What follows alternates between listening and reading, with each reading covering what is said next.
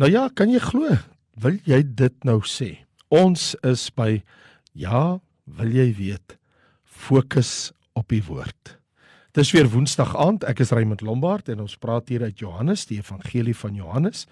Want ons reis mos nou deur die evangelie van Johannes en ek gesels met jou hier uit Johannes hoofstuk 1 vers 12 en 13. Maar almal wat hom aangeneem het, aan hulle het hy mag gegee om kinders van God te word aan hulle wat in sy naam glo wat nie uit die bloed of uit die wil van die vlees of uit die wil van 'n man nie maar uit God gebore is. So vriende, laat my toe met jou te praat oor die grootheid van die groot nuus. Verstaan jy wat ek sê? Ek wil met jou praat oor die grootheid van die groot nuus. Johannes 1 vers 12 en 13. Nou met ons reis wat ons tans doen deur die evangelie van Johannes, vind ons dat die geliefde disipel van die Here Johannes.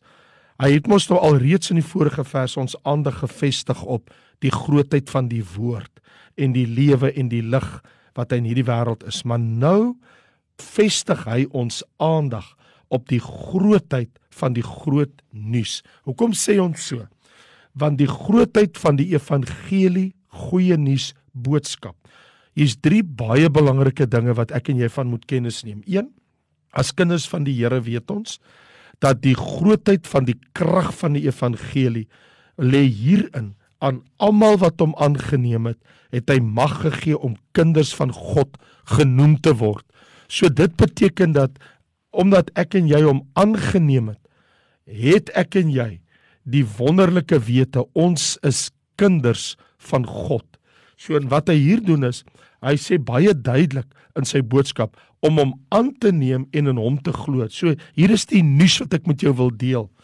As jy Jesus Christus aangeneem het en as jy in hom glo, dan beteken dit dat jy waarlik waar 'n kind van God geword het want Paulus verduidelik dit so mooi wanneer hy praat oor die grootheid van die krag van die evangelie in Romeine 1 vers 16 en 17 wanneer hy sê ek skaam my nie oor die evangelie van Christus nie.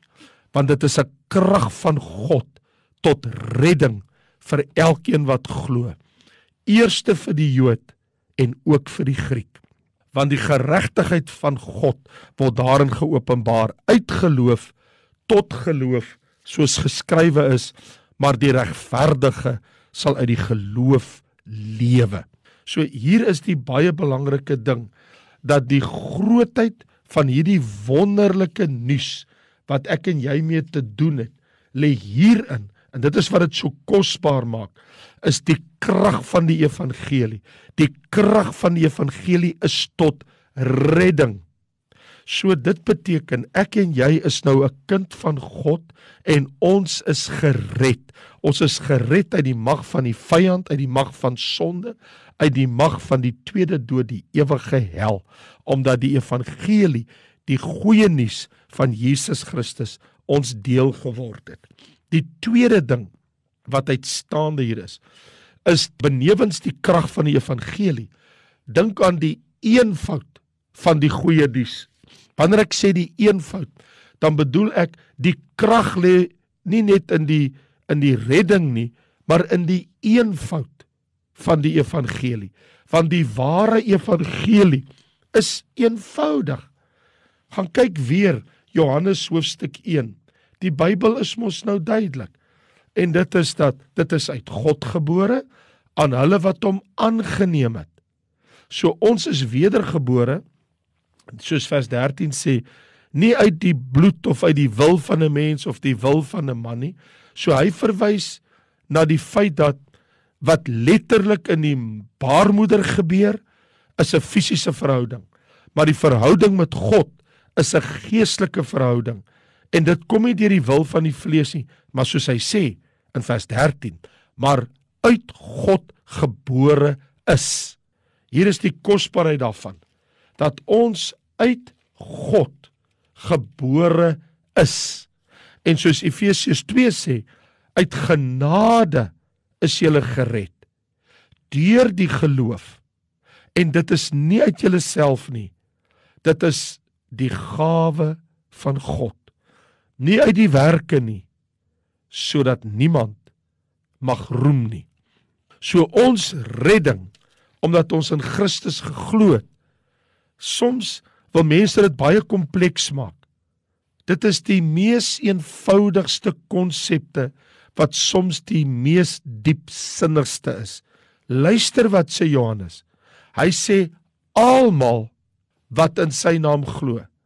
Sy naam verwys na die naam van Christus, na die naam van Jesus. Jesus van Nasaret. Hierdie naam roep ons tot bekering en belydenis. Hierdie naam roep ons om tot inkeer te kom. Wanneer ons glo in die naam van Christus, ontvang ons hom, Christus, in ons lewens. En hierin is ook die grootheid van die evangelie nuus.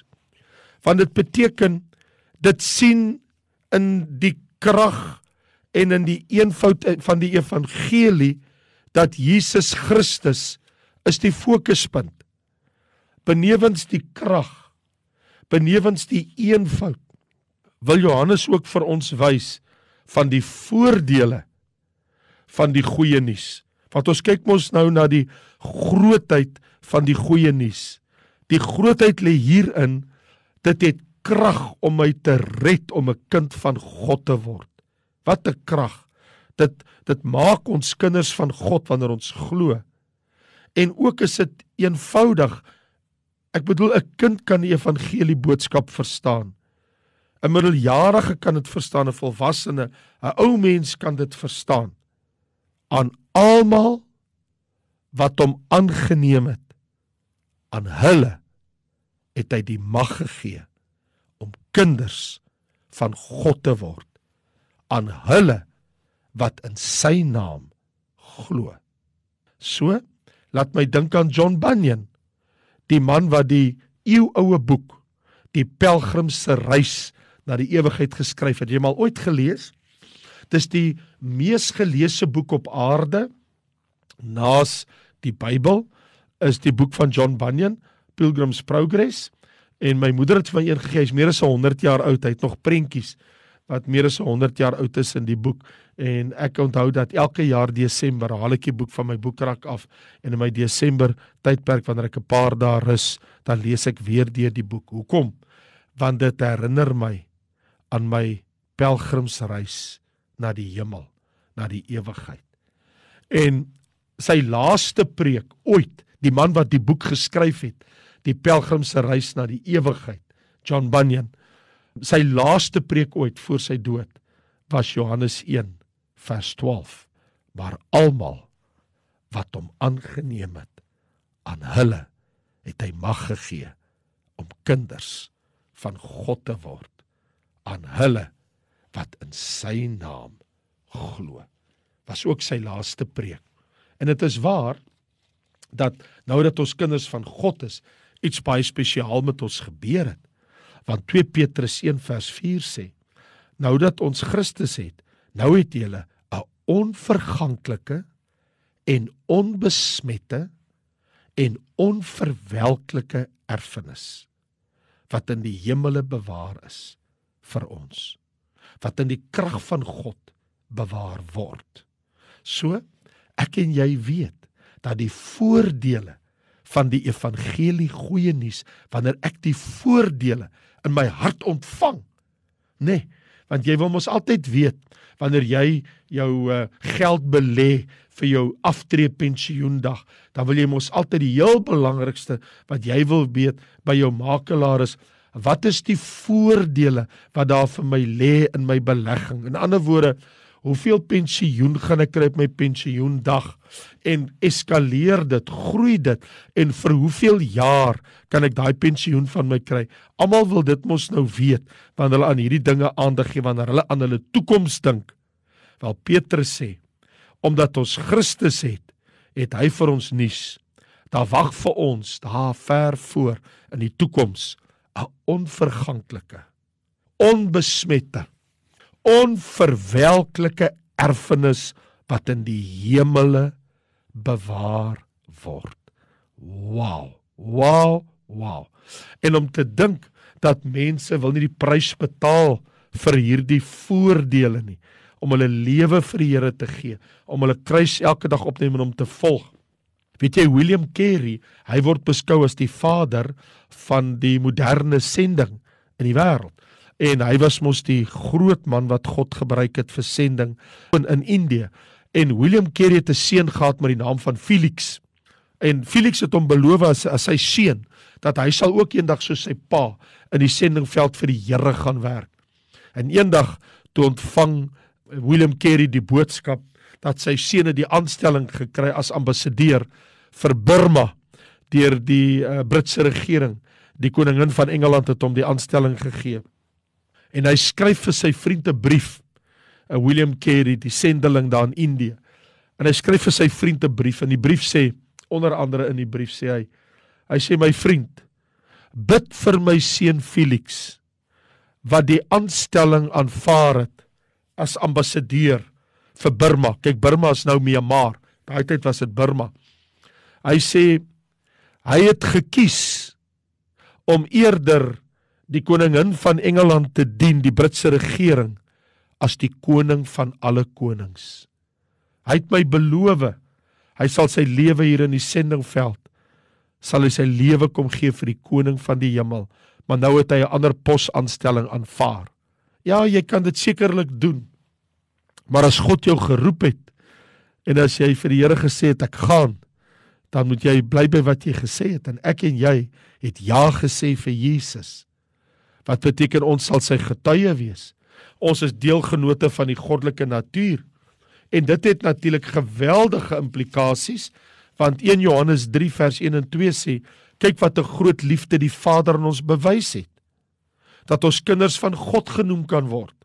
Dis mos wat Johannes gesê het. Hulle wat hom aangeneem het, het hy mag gegee om kinders van God te word. Hier sê Johannes, wat 'n groot liefde die Vader aan ons bewys. Hoe weet ek dat hy sy liefde aan my bewys het? Omdat hy sy seun gestuur het sodat ons wie in hom glo, kinders van God kan word. Hy sê vers 2: Geliefdes, nou is ons kinders van God. Hy sê ja, ons weet nie hoe dit eendag sal wees nie, maar wat ons wel weet, ons weet as hy verskyn, sal ons aan hom gelyk wees omdat ons sal sien soos hy is. Jy sien die grootheid van die evangelie boodskap lê hierin dat dit verander die mees saai mense lewe in 'n onsterflike heerlike wese wat vir ewig in God se koninkryk gaan lewe. Dit was die sendeling vrou Amy wat haar lewe toegewy het aan jong meisies wat um, in Hindu tempel slawe was in Indië. En sy het hulle gaan help. En eendag toe neem sy 'n groep van die meisies na 'n goudsmid en hy's besig om die goud te reinig volgens die gebruik van 'n eeuoue oosterse wyse. Die man sit langs 'n vuur besig om die goud te reinig met 'n mengsel wat hy in die vuur saam met die goud plaas. En na 'n lang tyd wat hulle die proses dophou, toe sê een van hierdie meisies vir Amy: "Hoe hoe weet hy wanneer die goud na wens is om dit om op te hou om dit so in die vuur te sit?" En Amy wys maar sy kan dit vir hom vra en sy vra vir die man: "Maar hoe weet jy wanneer die goud genoeg na wense gesuiwer en gereinig is?" Want ek sien jy haal dit uit en dan sit jy dit weer in en jy skep iets af en jy sit dit in. Hoe weet jy wanneer dit gereinig is, suiwer is? En die man antwoord: Wanneer ek my eie gesig in die vloeibare goud in die smeltkroes sien, dan weet ek die goud is gesuiwer en die goud is gereinig.